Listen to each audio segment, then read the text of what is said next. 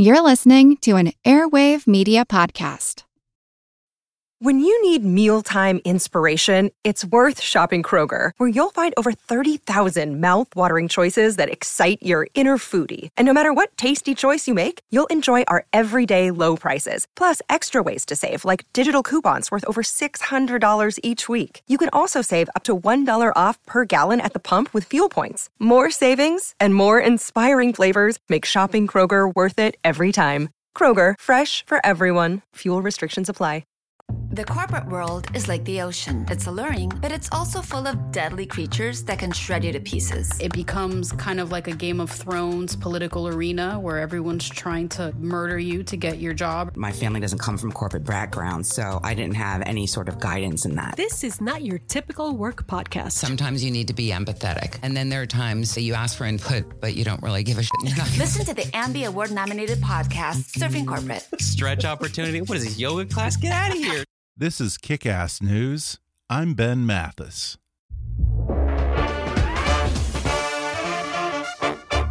Hey folks, Ben Mathis here with a favor to ask. If you haven't already, subscribe to Kick Ass News and rate and review us on iTunes. And if you have a moment, share Kick Ass News with a couple of your friends and recommend us on Facebook or Twitter.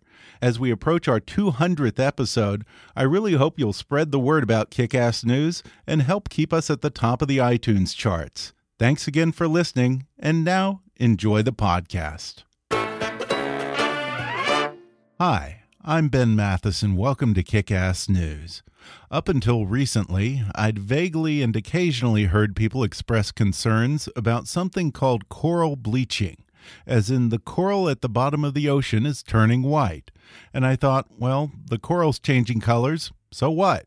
But a recent film that won the Audience Award at this year's Sundance Film Festival called Chasing Coral opened my eyes to exactly what coral bleaching is and how it's devastating entire ecosystems. You see, when a coral bleaches, it's actually a stress response that means it's dying, leaving behind the bright white bones of what was once a thriving organism, a foundation species, in fact, upon which many other organisms depend. Covering only about one tenth of 1% of the ocean floor, coral reefs provide habitat for more than 25% of marine species. Additionally, they serve as natural breakwaters protecting shorelines from erosion and storm damage and support commercial and recreational fisheries, an estimated annual value of $200 million just here in the U.S. Indeed, it's estimated that between 500 million and a billion people on this planet rely on coral reefs and the fish that inhabit them for their food security and financial income. But warming waters are decimating the world's coral reefs at an alarming rate. Just in the last 30 years, we've lost 50% of the world's coral. Closer to home, 80 to 90% of the coral off the coast of Florida is now dead, and the Great Barrier Reef, the most famous coral reef in the world, lost 29% of its coral just in 2016 alone. In Chasing Coral, documentary filmmaker Jeff Orlowski uses time lapse imagery to show the startling rate at which warming ocean temperatures are killing our coral. He previously used the same method in his documentary Chasing Ice, which visually documented the impact of climate change on the world's glaciers. That film won awards at over 40 film festivals, including the Sundance Film Festival and an Emmy for Outstanding Nature Programming. And it was shown at the White House, Congress, and the United Nations. Today, Jeff joins me on the podcast to talk about Chasing Coral, which arrives on Netflix and in select theaters this Friday, July 14th. He'll explain the extraordinary ecosystems that form around coral and how the health of our ocean's coral is in many ways an early indicator of the health of the planet as a whole. We discuss how one of the subjects of the film sees coral awareness as an advertising problem, and some of the technical and logistical hurdles that Jeff and his team faced in their race to capture images of the most recent bleaching event. He'll talk about the wider impact of coral bleaching, whether it can be reversed before it's too late, and why some coral reefs are suddenly and mysteriously glowing. Yes, actually glowing. Coming up with documentary filmmaker Jeff Orlowski in just a moment.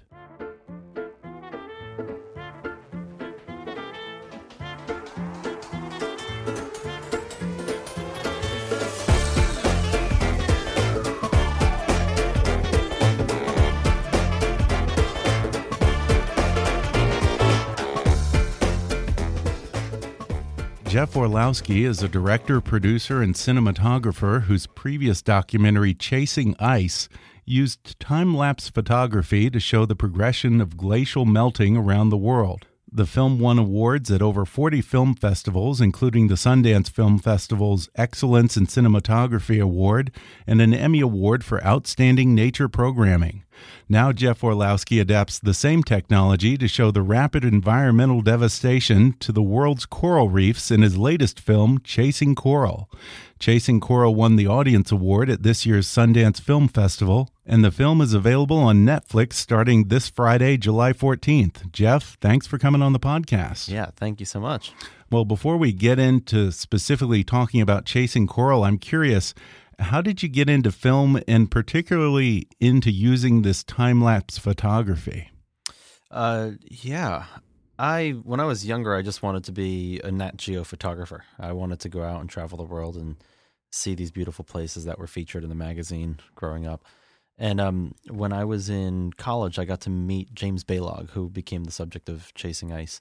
Uh, James was wanting to do time lapses of glaciers. So he had spent a lot of time in the Arctic and he was aware of what was going on regarding climate change. And he really wanted to create visual evidence of what was happening. So his whole approach was using this tool, uh, this well known and well understood tool uh, for uh, for filming, um, using time lapse, he thought could reveal what was happening in a different way. And ever since then, and, and working with James, it's been um, this really, really valuable go-to for us to use this this framework to be able to capture what is happening on the planet, um, so that we can share it with the public. And now you're using that same technology for at least part of chasing coral. I'm interested in how this project began. A man named Richard Vevers approached you about doing a film similar to what you did with glacial melting, but this time using the time lapse technology to show coral bleaching. Who is Mr. Vevers and what is his interest in this issue?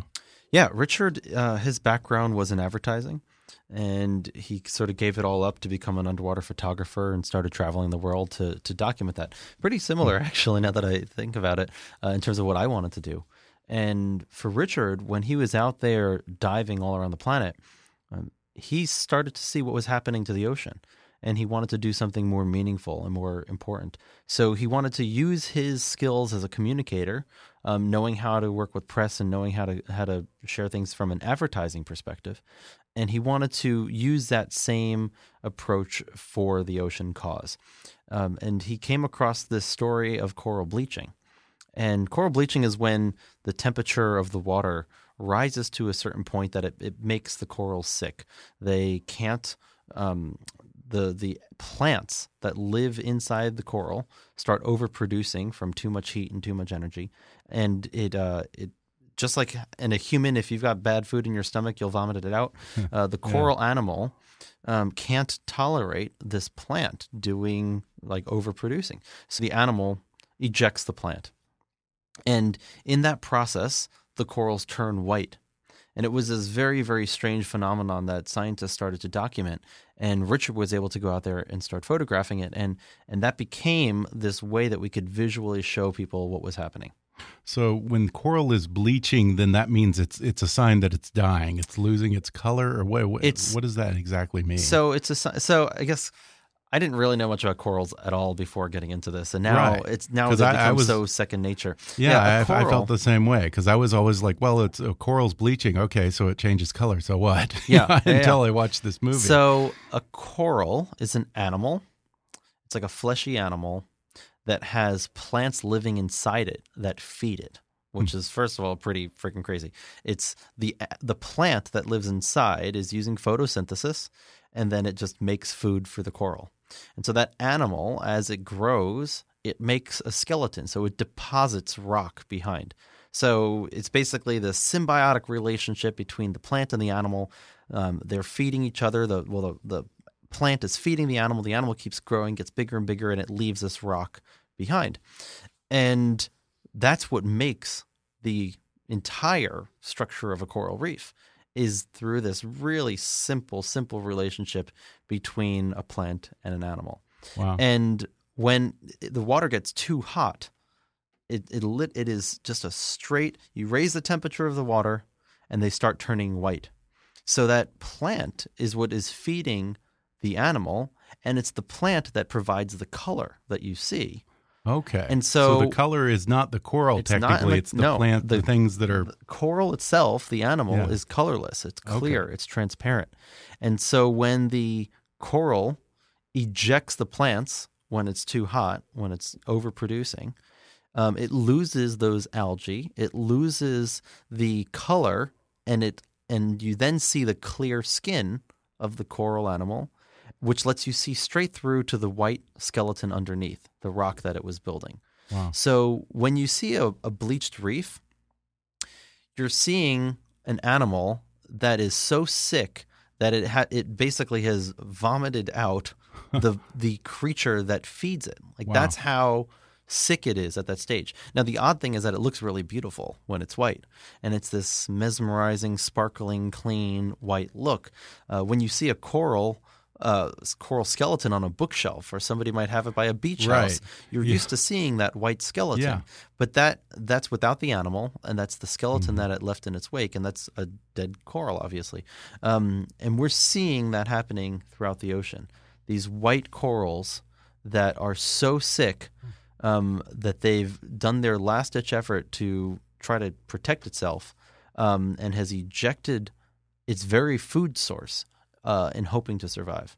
Yeah, it's weird because prior to this movie, I tended to think of coral as a largely inanimate object like Yeah. a tree stump or a rock. But I was amazed at how extremely complex these organisms Yeah, are yeah, and their their own self contained ecosystems, really. I had no idea about any of this. I mean, I for Really? me, the coolest part of being a, a filmmaker is I get to go out and study a subject for a while and then try to make a try to retell that story. Um, learning about the oceans has been mesmerizing. They are such complicated ecosystems. They have evolved over millennia, like that millions and millions of years to get to this this very very tight knit relationship that all these creatures have. Every single creature on a reef has a function. If it didn't have a function, it would disappear. It's they're all adding to this ecosystem. Wow, yeah, because I think you were saying that there are certain animals that basically create sand from Yeah. the coral, and certain, I think, a certain type of crab that defends the coral. Like you just said, every animal seems to have a role to play in this weird little ecosystem. It's almost like an alien world. It, it is a completely alien world, and um, the the role of symbiotic relationships, so two creatures that depend on one another, is seen throughout the reef everywhere. And people, I mean, there's there are many many analogies on land as well.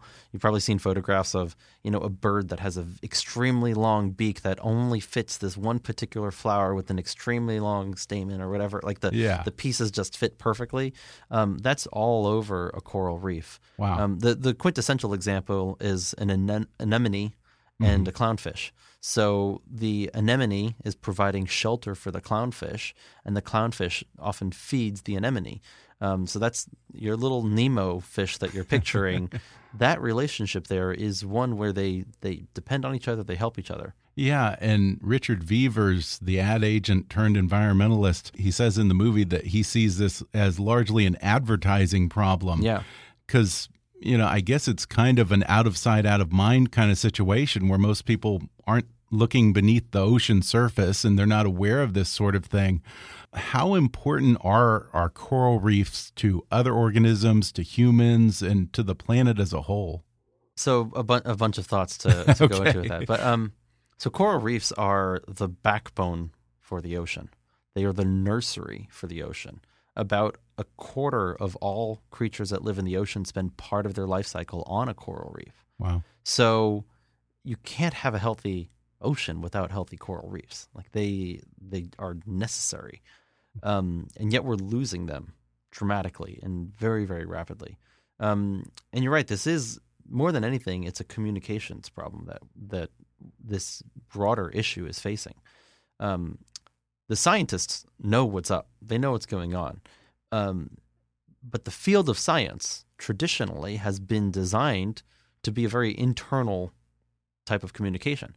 They Right. publish their best work in peer-reviewed magazine in, in, in these in literature that is designed for other scientists.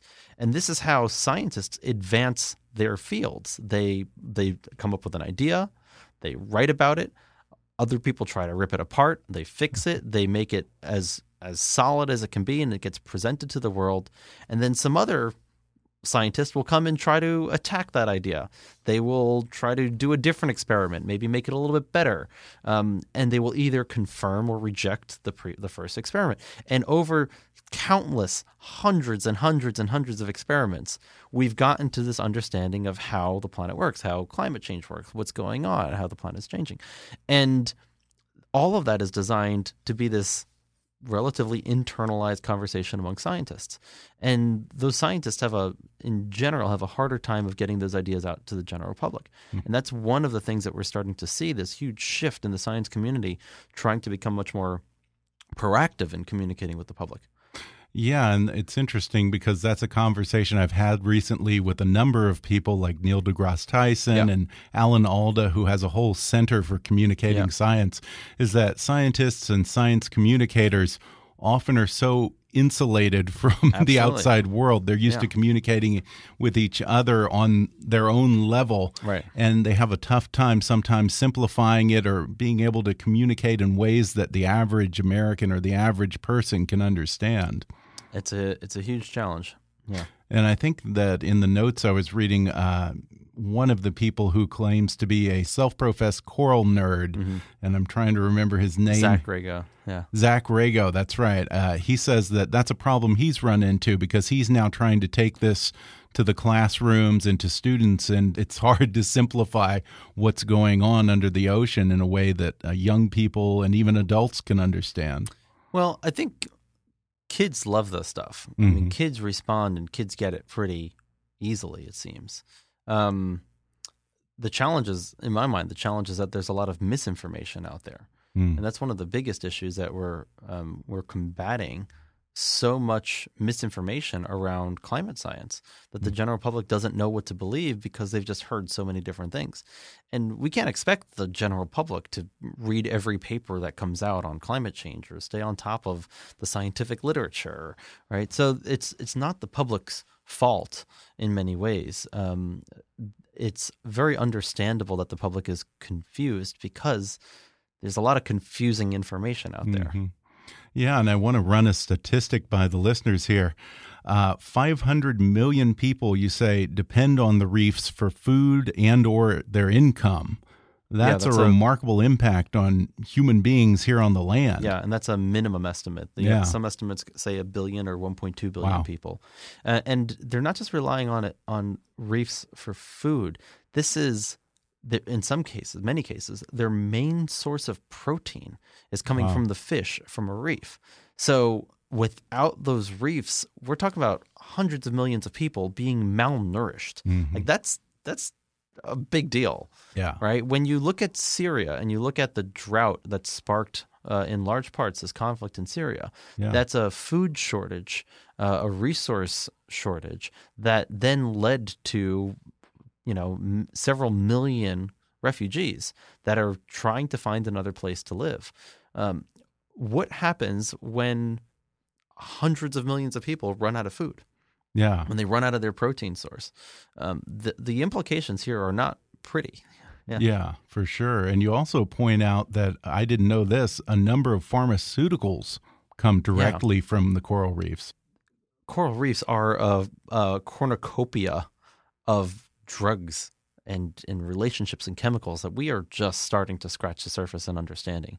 So there are um, leading cancer uh, medications that wow. are coming from coral reefs themselves, from sponges or from other creatures in the reef. Well, I was amazed at the speed, particularly with which this happens.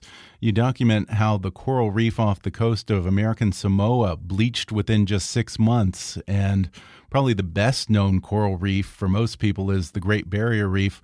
And you say that 29% of it was lost just in 2016. Yeah. That's remarkable. Yeah. We watched an entire reef ecosystem die in about two months. Mm. And every scientist that we met that we showed the images to, um, very consistently, they were all surprised by how much it changed, how fast it changed. Mhm. Because when you look at the before after pictures, the pictures at the end look like they've been dead for years. It, it Yeah. looks devastated. Yeah. And the scientists were, um, I was surprised by how shocked the scientists were that it was such a short period of time. Yeah, and even closer to home, the film also claims that we've lost 90% of the coral off Florida, right? Um, Florida's pretty devastated from the perspective of coral reefs. Um, Wow. there's still places where you can dive and you can still see corals, and there's some Really? places where you can still see sharks and grouper and other things. Um, but uh, healthy coral reefs, so coral reefs are often um, rated based on a percentage of coral coverage.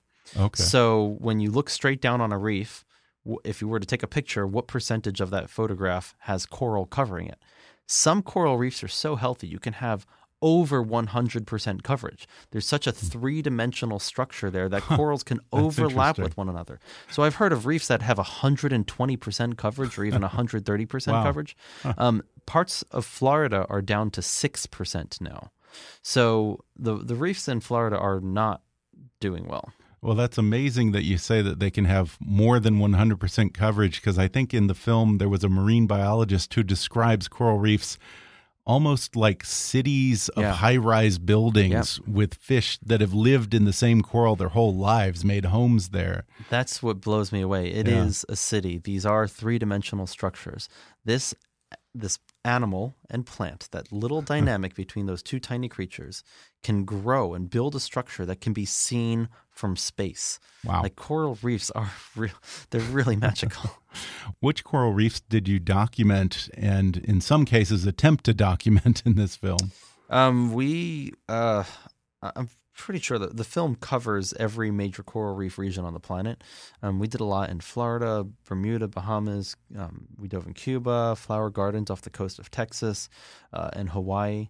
So those are in the Caribbean and the U.S. Um, we covered American Samoa, Papua New Guinea, Solomon Islands, and a lot of time on the Great Barrier Reef. We're going to take a quick break, and then I'll have more with Emmy winning documentary filmmaker Jeff Orlowski when we come back in just a minute.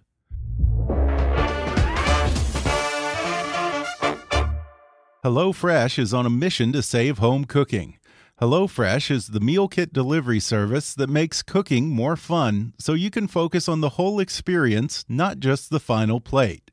Each week, HelloFresh creates new delicious recipes with step by step instructions designed to take around 30 minutes for everyone from novices to seasoned home cooks short on time.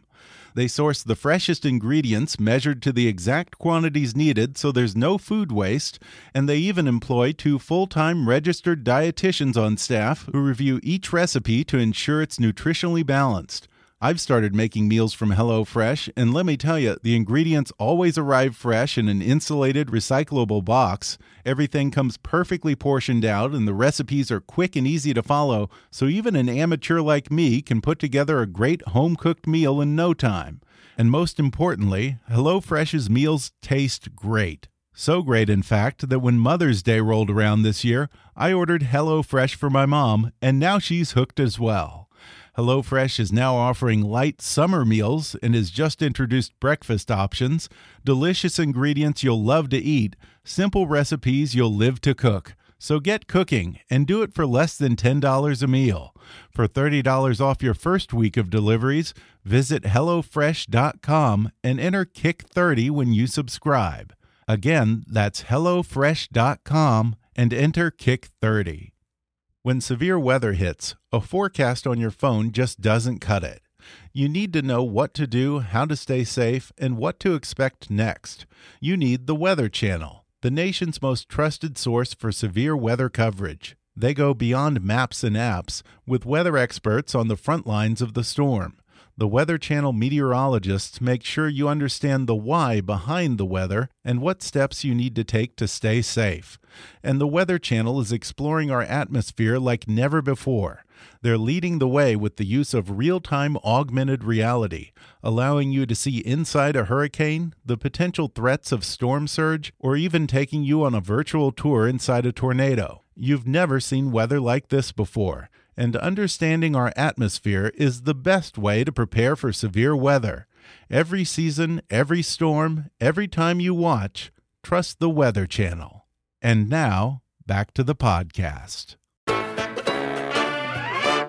You guys had to change your game plan Yeah. several times throughout this movie. I guess that's why you call it chasing coral because you're trying to predict where a particular event is going to happen and there's a lot of uncertainty, a lot of luck to it, I imagine. Talk about some of the technical and logistical hurdles you Yeah. ran into making this movie. So we always um, we had faith that we could capture it because we were working with really good scientists Mhm. who knew how to interpret the data from the satellites, and they were giving us really good predictions on what parts of the planet were likely to bleach. Um, the challenge is that if a region experiences bleaching, it doesn't mean that every piece of coral in that region is going to bleach. So you're still, it is a needle in a haystack. Like you're still looking to find the individual pieces of coral or areas that you think might go.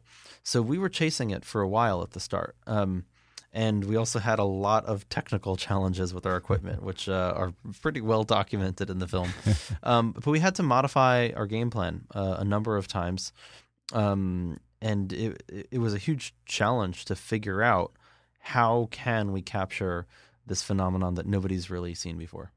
Yeah, because you were using these pretty sophisticated time lapse cameras, and I guess they had to be relatively self maintaining, and I guess they had to have like a Wi Fi hotspot to transmit images, right? Yeah, it was uh, the first round was a bit more complicated than we needed ultimately, but the um, we were trying to design a system that would allow us to adjust our exposure and our focus and some other some other parameters remotely. And so we've got this camera in a waterproof housing and it's a dedicated housing that has a windshield wiper on it, so it would keep hmm. any algae from growing on it. This was the the first and biggest lesson for me.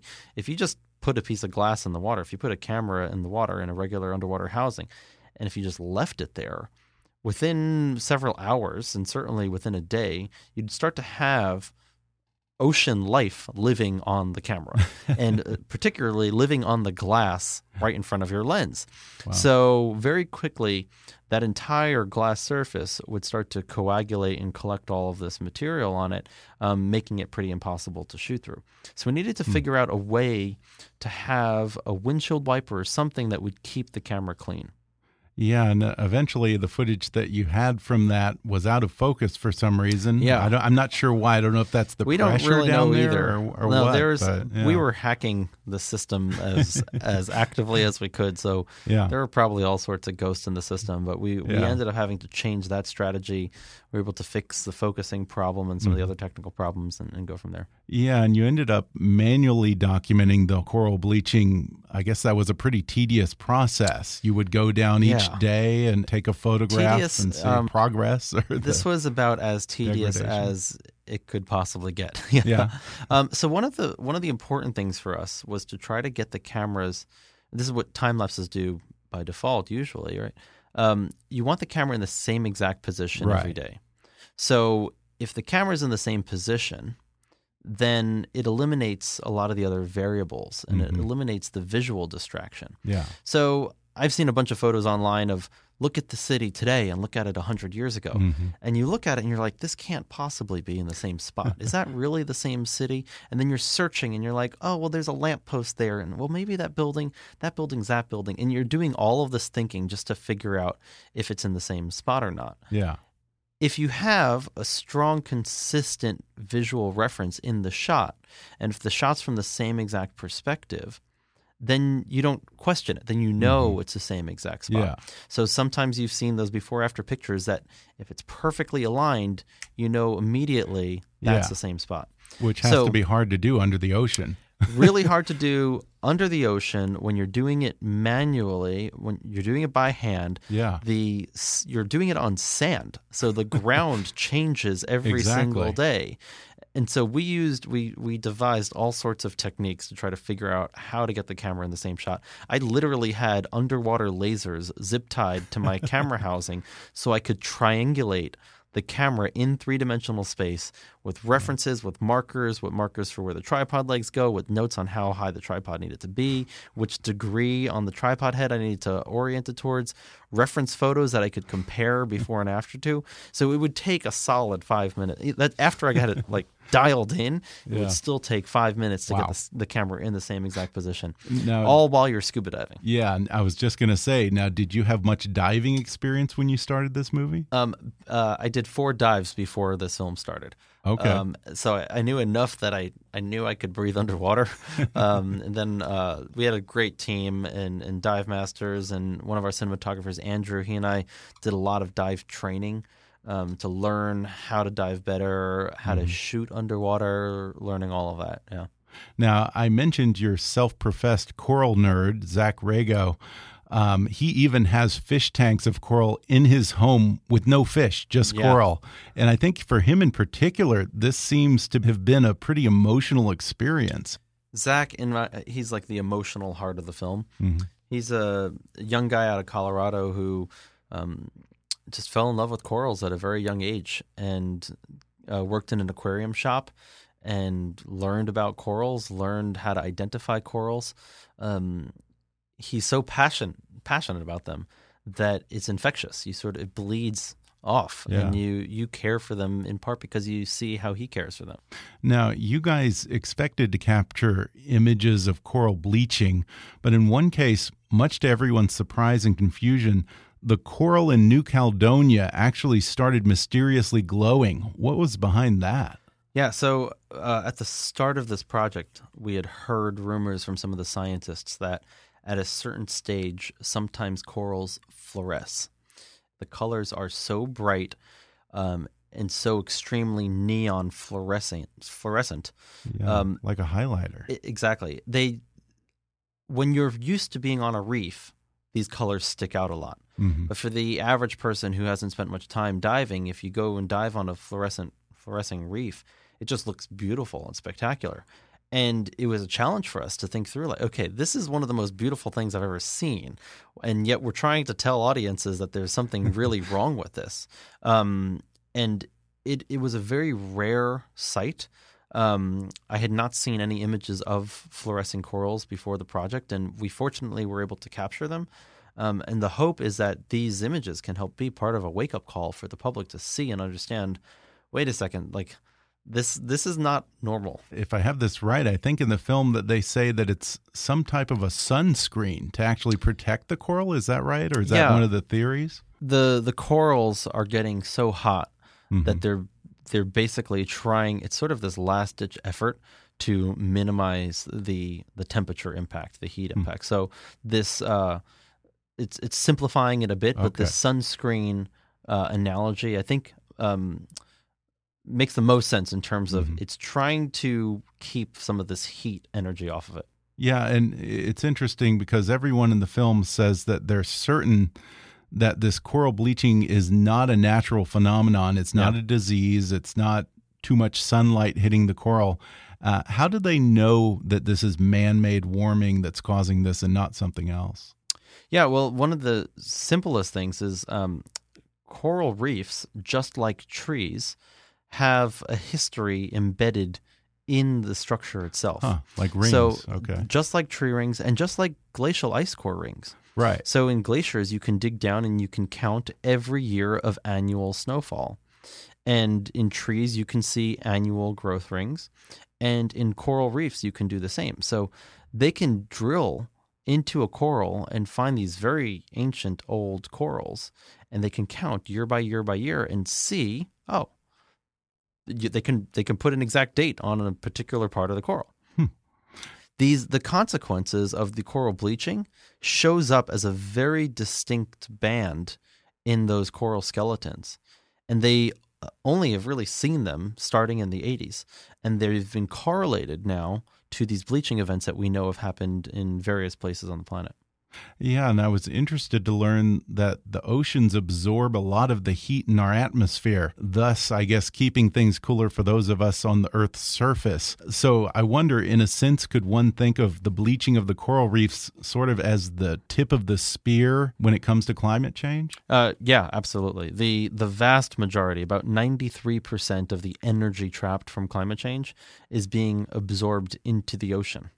Hmm. So Wow. The air temperature isn't changing that much compared to the ocean temperature changes, um, but they're both still rising. Um, the ocean is absorbing is, the ocean is absorbing so much of this heat, and corals are on, like you're saying, they're on the front line. This is the ecosystem that is changing the most. It, it's a very sensitive ecosystem. Corals live in a very specific temperature range. They've been optimized for that they they live as close as they can to that threshold because it allows them for the greatest productivity. And and now we're just pushing them beyond that threshold. And there's it's a very very bleak future for coral reefs hmm. based on the known projections from climate change. Even if we started stopped emitting fossil fuels today the planet will continue to warm for 20 years. There's an inertia in the system. So it's going to get worse for coral reefs unless we figure out some way to massively reduce carbon from the atmosphere. Given this inertia that you're talking about, I mean, do you worry that there may not be a way to reverse this quickly enough? I have uh, mixed optimism, cautious optimism Mhm. around uh, the future fate of coral reefs. They will not be able to survive at this stage without massive human intervention. Mm-hmm. And there are scientists working on that. How do we selectively breed them to be more resilient? How do we keep um, ocean temperatures cooler? How do we shade the corals? How do we? I mean, Oh, there there are scientists talking Okay. about seeding clouds to appear over coral reefs to keep the intensity of sunlight off of the reef. Um, so all of the like this is an all-out effort to preserve coral Wow. reefs on the planet. But from my perspective, the story here isn't even a coral reef story. This is just this is a planetary scale change and experiment that humans are conducting right now through our actions, through our daily actions, that will undermine the stability of this planet for all of the services that humans require and have relied on. So if we don't address this now, we're definitely losing coral reefs, but we're also going to lose mm-hmm. mangroves and seagrasses and the functioning of the ocean. Like Yeah. if if we destroy the ocean's ability to function as it currently does, we will destroy the stability that human civilization is dependent on. That's an mm-hmm. extremely scary notion. Yeah. And this is not some far off doomsday thing. This is like my lifetime scenario that we're talking about. You show the bright white coral in the film, and then you also show how after that they start to accumulate algae and they get very fuzzy looking. Yeah. I'm wondering at what point the process becomes irreversible. At what point is the coral actually dead? Yeah, I'm trying to think how best to answer your question. Are you are you talking about within a specific coral? Yeah, at what point? Well, yeah, I guess they probably differ. That's so when, true. Um, when you're on a reef, uh, as the temperature rises, different corals will start to bleach sooner than others. And, Okay. Uh, and some will die sooner than others. Just Okay. like in a Some are less population. resilient yeah. So just more. picture a Okay. hundred people in a room, and everybody starts getting the flu. Mhm. It it's not everybody's affected the same way at the same time. Mm-hmm. So the same holds true to coral reefs, uh, which makes it hard to document and predict it because you don't know which coral is going to bleach Yeah. or not. um, but the the most shocking thing is that by the by the time we got to the end of the production, um, the conditions in Australia were so bad that pretty much everything that we were filming was dying. So we watched on a reef in Australia, we watched 95% of everything that we saw die um, in a matter of two months. I mean, this is not, this is extreme mass mortality in an extremely short period of time. And that is happening all throughout the ocean. That's this incredible. is this is not some make believe conspiracy Yeah. over you know a, some agenda to regulate people's lives. this is the ocean falling apart in front of us. one of the great natural wonders of the world, the Great Barrier Reef. Like I said earlier, 29% of that reef, you say, died in 2016 Yeah, in one alone. year. Yeah. I, there's some uh, the science that's on record versus the scientist the the the, the off record Mhm. feelings from our colleagues differ greatly. Okay. The the the science that gets published is the collectively accepted answers. So those are the in many cases the optimistic scenarios, right? These are the least common denominator, what everybody can agree upon answers. I have some friends who who don't think that the, the Great Barrier Reef has more than like two decades, or arguably even less. Um, that's now that I don't want that to sound like the science. Scientists aren't alarmists. Yeah. The science is alarming. That's Yeah. the thing. Like Okay. the rate of change here doesn't fit any natural cycle. If you think about Uh-huh. it, like if this happened on a natural cycle, Mhm. there would be no coral reefs on the planet already, right? They, Right. they can't survive that level of mortality and make it. Yeah. Right? You're you're just dying off faster than you can reproduce. They just won't Right. exist. So there's something very very abnormal going on, and the only explanation that we have is is the human factor. Now, these large scale bleaching phenomena seem to be happening in a wave every few years. Um, Yeah. Can we reliably predict when the next major bleaching event will happen? So, for the last couple of decades, the bleaching events have all happened in sync with El Ninos. Okay. So, an El Nino is a, a known natural cycle. It's an aberration in temperature. The ocean in the Pacific gets a bit hotter than normal, and then it changes weather patterns all around the planet. Um, the problem is that now corals are bleaching without El Ninos. That's how much the ocean has warmed in the last couple decades. It is collecting so much heat and trapping so much heat that it doesn't need an El Nino anymore for it to bleach. So um, El Ninos used to operate on you know roughly seven year cycle and blah blah blah. Um, That a lot of that is getting thrown out the window right now because the ocean conditions are just that hot. Now, when we're talking about a bump in temperature, I mean, how how much of a difference in temperature causes coral to bleach? So uh, for Generally. coral, um, it's one to two degrees Celsius Okay. above the average high summer temperatures. Okay. So Give us um, it in that's Fahrenheit. in Fahrenheit. That's uh, it's that's, been a while since I've done um, 1.8 to 3.6 degrees Fahrenheit. Okay. So not a lot. It's not a lot. That's the thing. So so think about your own human body. We're at 98.6, give or take a little bit. Mhm. Imagine having a fever of 102.2 Yeah. right? That would not be comfortable, Right. That's what corals are Yeah. living in. Interesting. So That's just good analogy. imagine the water. They're they're not moving, right? They're just sitting in water, and the water is getting hotter to the point where it raises their own body temperature. Wow. So imagine you're living in a bathtub that just brought your body temperature up to 102 Mhm.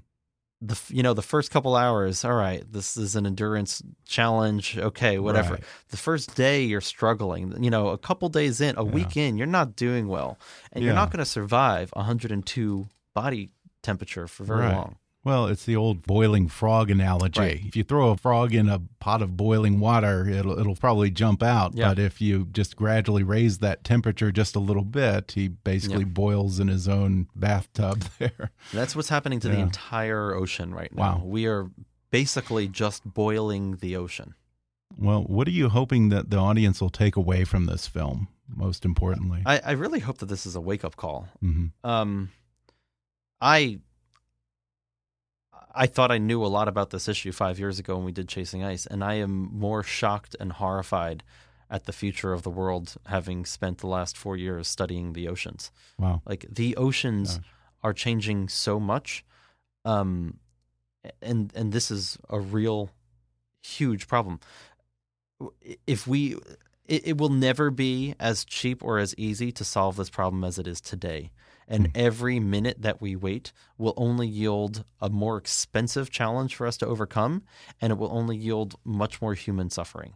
And that's that's a struggle. Yeah. Like in, in my own life, I've had to evacuate my house twice because of wildfires. My house got flooded from a v- extremely abnormal flood that hovered over our city for a week. Mhm. Uh, a- a This is in Colorado, in right? Colorado. Yeah. Um, my grandmother had her house uh, in New York flooded by Sandy.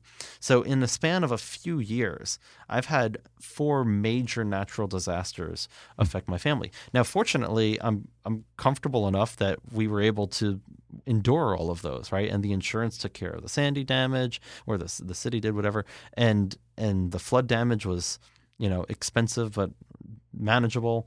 Um, there are many parts of this country that are going to be affected by climate change where people might not have the financial resources to get them out of that.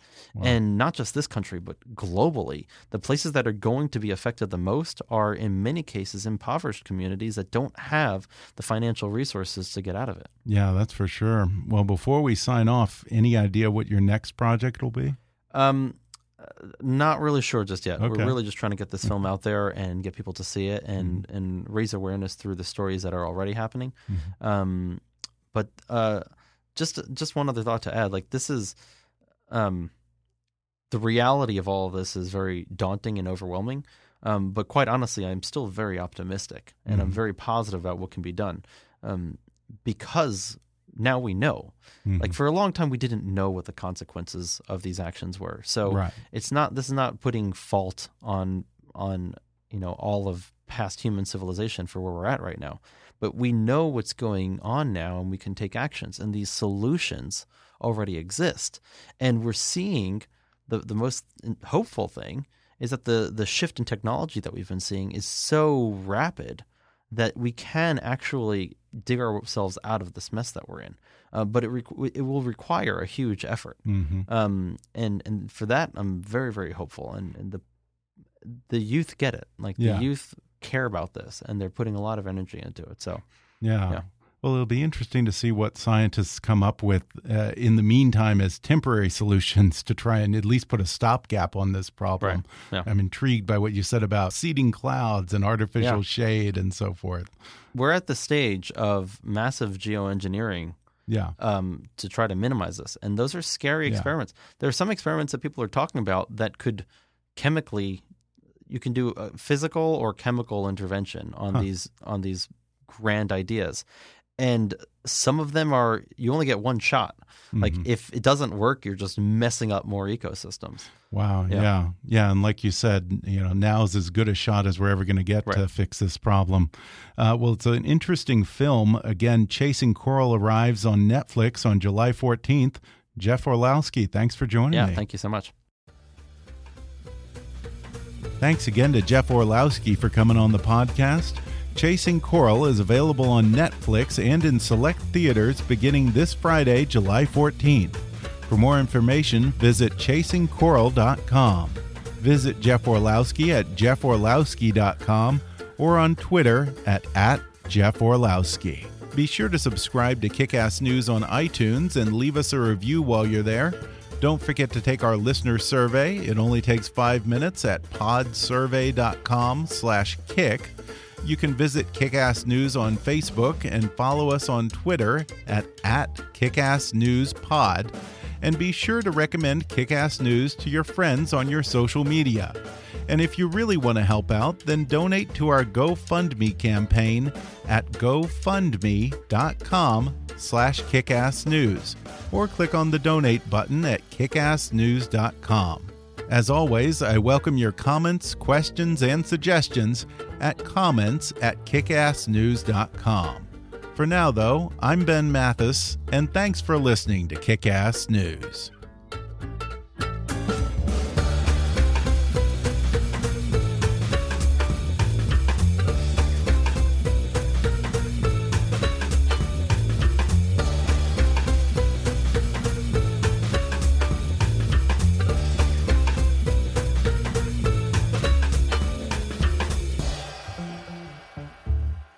Ass News is a trademark of Mathis Entertainment, Inc.